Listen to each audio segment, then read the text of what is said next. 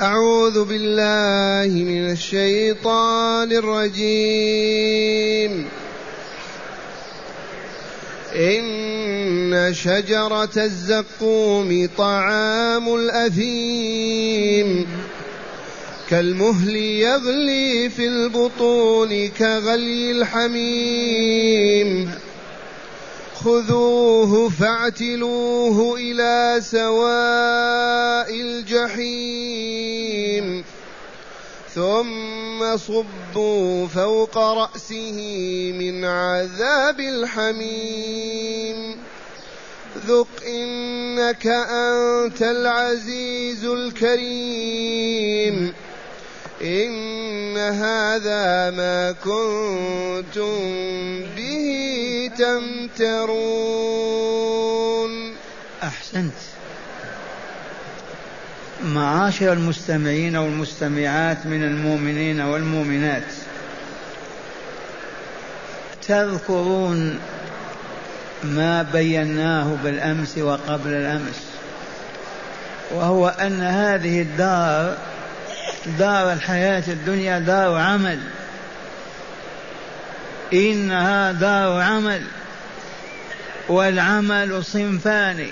عمل صالح وعمل فاسد. فالعمل الصالح الإيمان وطاعة الله ورسوله صلى الله عليه وسلم في الاعتقاد والقول والعمل. وعمل فاسد وهو الكفر والشرك والمعاصي باتباع هوى الشيطان وتزيينه للناس. والدار الآخرة دار جزاء. إننا عاملون وسوف نتلقى جزاء عملنا. لا هنا. إذا لدار عمل دائما وأبدا نتلقاه في الدار الآخرة بعد وفاتنا. والله كما تسمعون. وهيا بنا نصغي إلى هذا الخبر الإلهي. يقول تعالى إن شجرة الزقوم طعام الأثيم. شجرة تنبت في وسط جهنم. طلعها كأنه رؤوس الشياطين. والعياذ بالله. شجرة الزقوم طلعها كأنه رؤوس شياطين في قبحها ما يطلع منها في قبحه كالثعابين الحيات. شجرة الزقوم يقول تعالى طعام الأثيم. الذي يدخل جهنم يجد الفواكه من عنب وتفاح ورمان وخوخ ماذا يجد؟ البقلاوة والحلاوة واللحم والخبز. لا طعامهم الزقوم. هذه الشجرة تنبت لهم وتطلع في كل ساعة ولحظة أنواع من أنواع الطعام الزقوم. إن شجرة الزقوم طعام الأثيم. من هو الأثيم هذا أول من يدخل في هذا الوصف أبو جهل عمرو بن هشام عليه العين الرحمن. إذ نزلت الآيات فيه. والأثيم المنغمس في الآثام. الأليم شديد الألم الأثيم كثير الإثم وقويه. من الشرك والكفر إلى أفجر الفجور وإلى أفسق الفسوق. إن شجرة الزقوم طعام الأثيم. هذا الأثيم يقول تعالى فيه كغلي كالمهل يغلي في البطون. تعرفون المهل؟ الحديد إذا ذاب والنحاس نحاسه الذي ذاب كيف يكون؟ الدردي الزيت آخر الزيت منتن أسود كذلك. هذا المهل يغلي في البطون بطون أهل النار كغلي الحميم. الماء الحار يغلي في القدر وإلا لا فكذلك يصب الماء على رؤوسهم ويدخل إلى قلوب بطونهم ويغلو كما يغلو الماء الحار أعوذ بالله. إنا لله وإنا إليه راجعون. كغلي البطون كغلي الحميم. يغلي في البطون كغلي الحميم.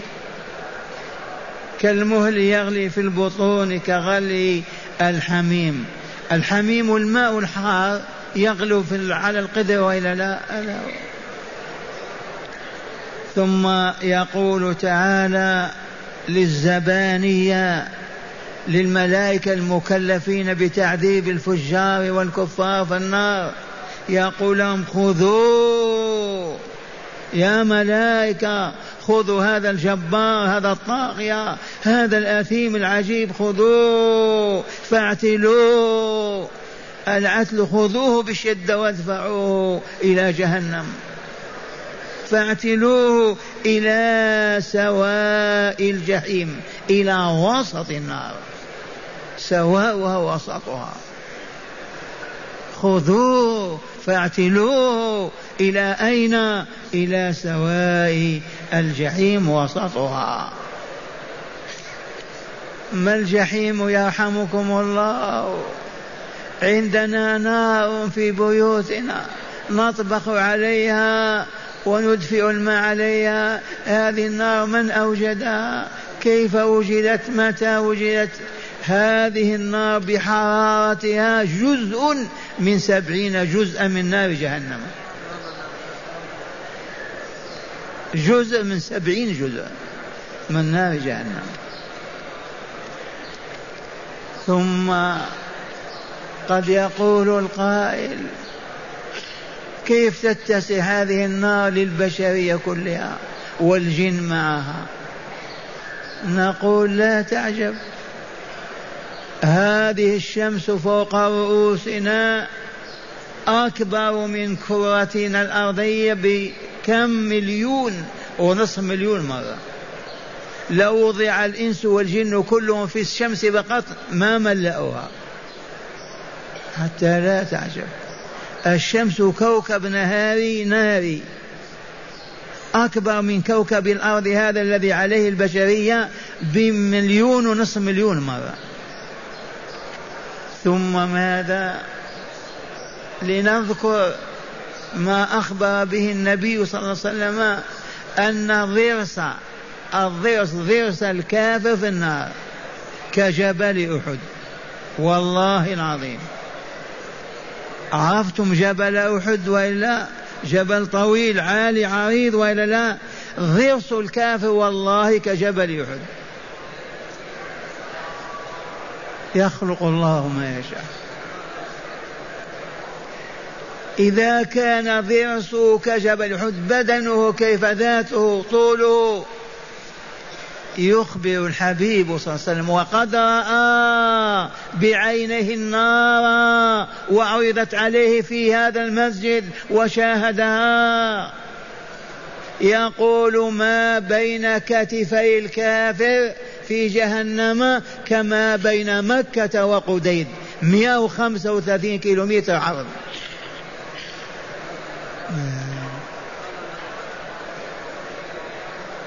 إذا كان ضرسه كجبل أحد فعرضه كم يكون؟ 135 كيلومتر عرض والطول لا تسأل. إذا كان العرض هذا 135 كيلو والطول كم؟ ويخلدون.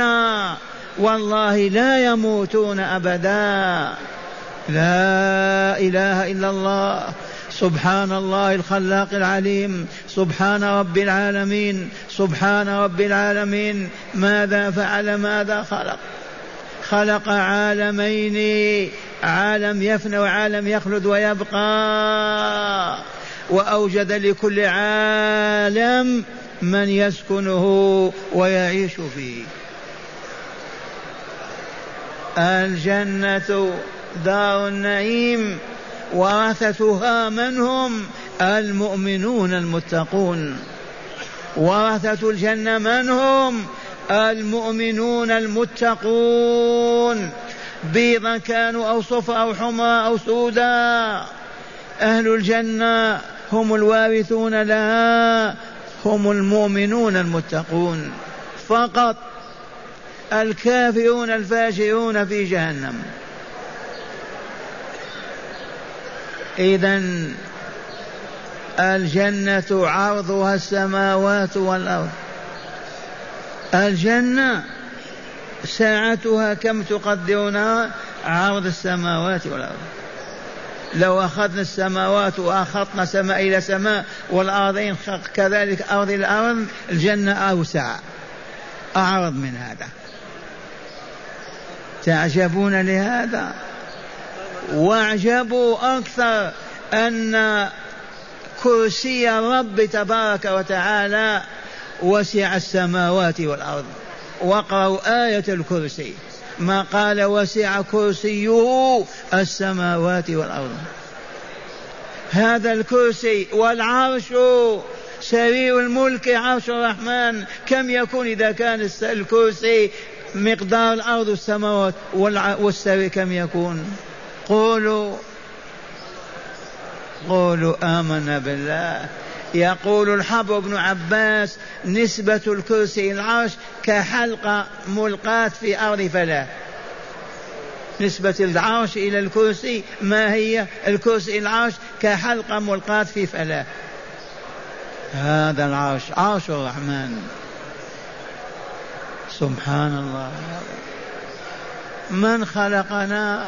من خلق هذه العوالم كلها؟ من هو هذا؟ هذا الله. جل جلاله وعظم سلطانه خالق كل شيء وملك كل شيء ورب كل شيء. والحمد لله أن آمنا وعرفنا الله وعرفنا ما يحب وما يكره. فعملنا المحبوب وتجنبنا المكروه. هذا فضل الله علينا أيها المؤمنون.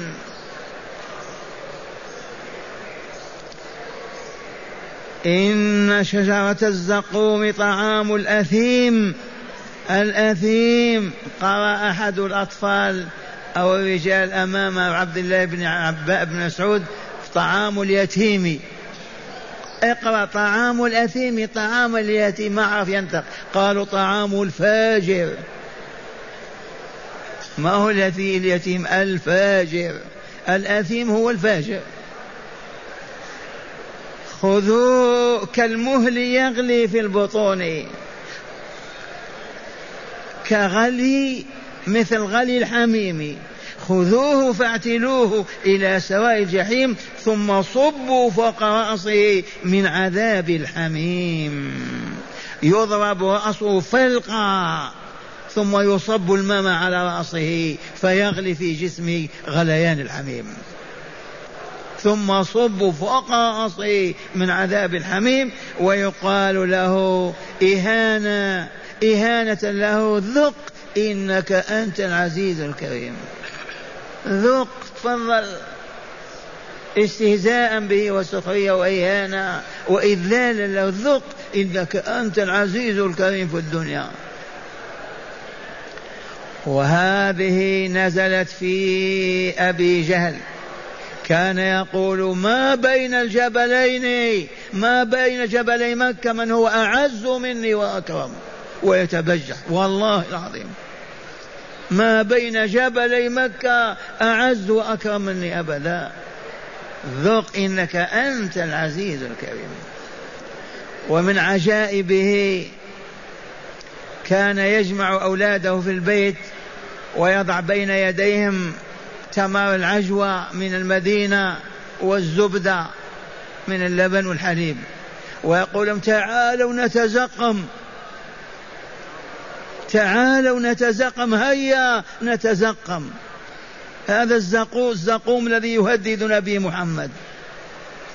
استهزاء وسخرية وطغيانا وكبرا تعالوا نتزقم.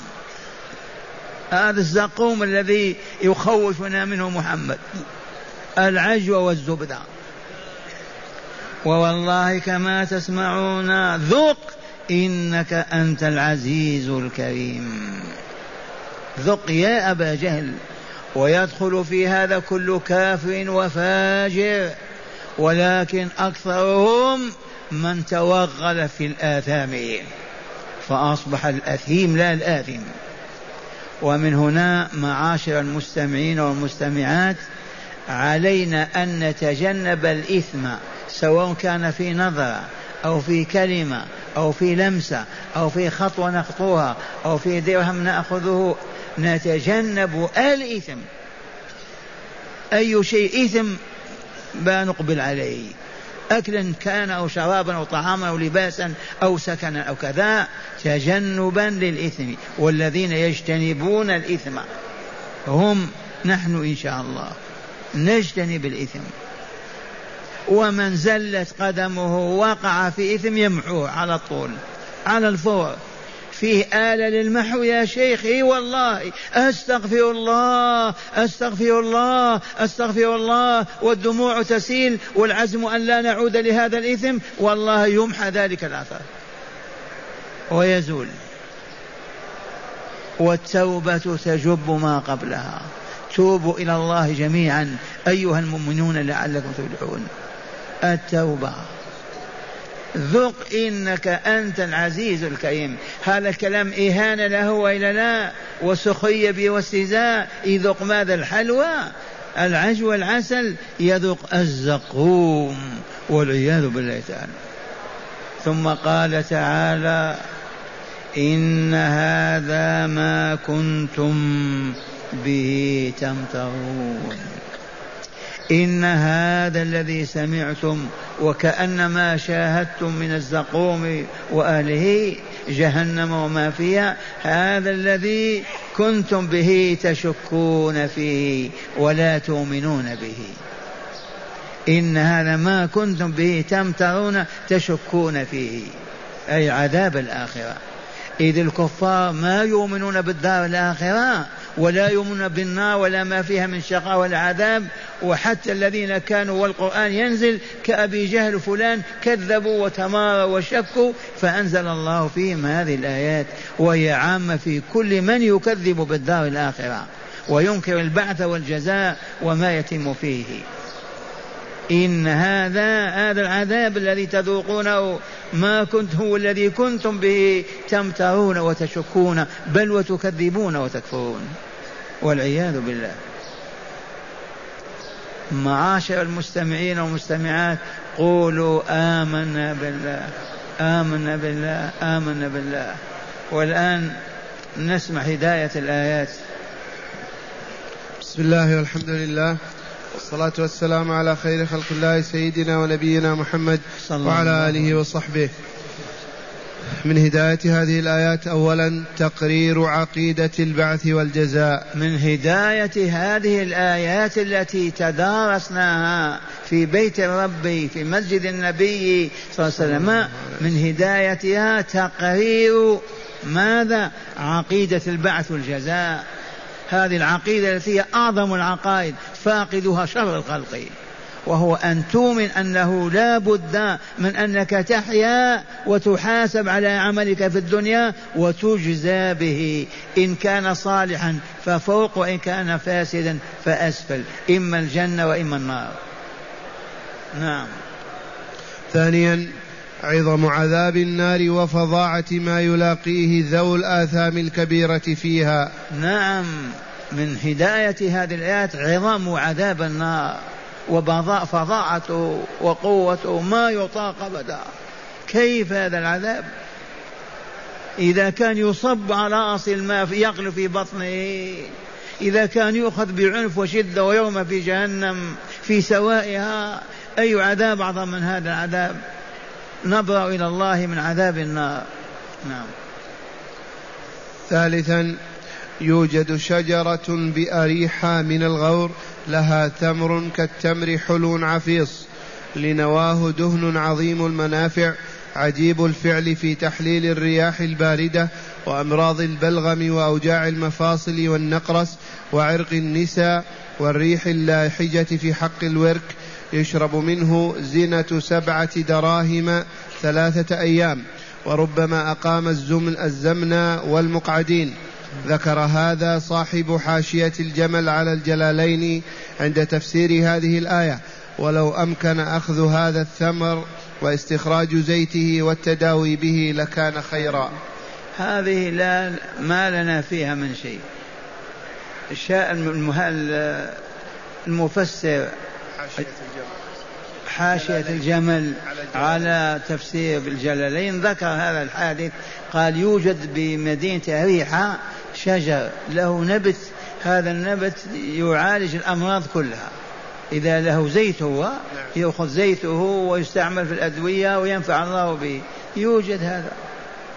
رابعا من أشد أنواع العذاب في النار العذاب النفسي بالتهكم والسخرية أيوة. من, من المعذبين. أشد عذاب النار ما هو الذي يصب على الرأس والجسم؟ لا التهكم بهم وإهانتهم والاستهزاء بهم والسخرية. ذق إنك أنت العزيز الكريم. هذا أشد على العض...